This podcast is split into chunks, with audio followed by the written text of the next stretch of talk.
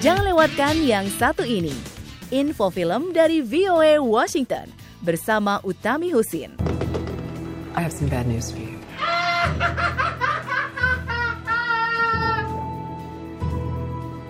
This is the last time we'll be meeting.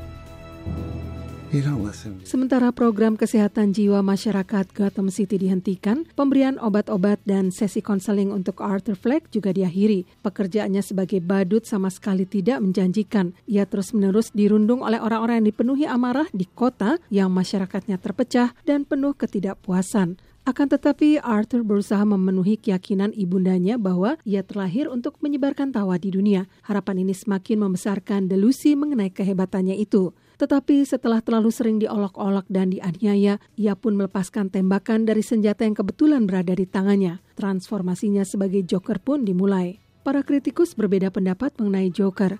Sebagian melihat film itu sebagai penggambaran yang bagus mengenai bagaimana seseorang berubah menjadi gila. Tetapi banyak juga yang mengatakan film itu berempati pada Joker sebagai korban lingkungan yang kemudian mengangkat sikap main hakimnya itu menjadi ikonik.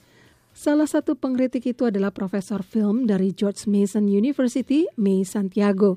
Ia menyebut keputusan Warner Brothers Studio dan sutradara Todd Phillips menggarap film semacam itu tak bertanggung jawab setelah serangkaian penembakan massal di Amerika oleh orang-orang yang menunjukkan perilaku seperti Joker.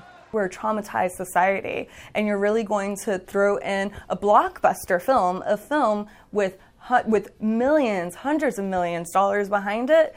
I'm sorry, but no, it's not Bioskop-bioskop di Amerika telah meningkatkan keamanan dan melarang penggunaan masker oleh para penonton. The Los Angeles Police Department is aware of the historical significance and the public concern. Hadir Chavez, seorang polisi di Los Angeles mengatakan polisi memahami signifikansi historis dan kekhawatiran masyarakat seputar pemutaran perdana Joker. Meskipun tak ada ancaman di kawasan tersebut, polisi mendorong warga untuk tetap waspada. Pada tahun 2012, James Holmes menewaskan 12 orang dan mencederai 70 lainnya dalam pemutaran perdana film lain mengenai Joker, The Dark Knight Rises.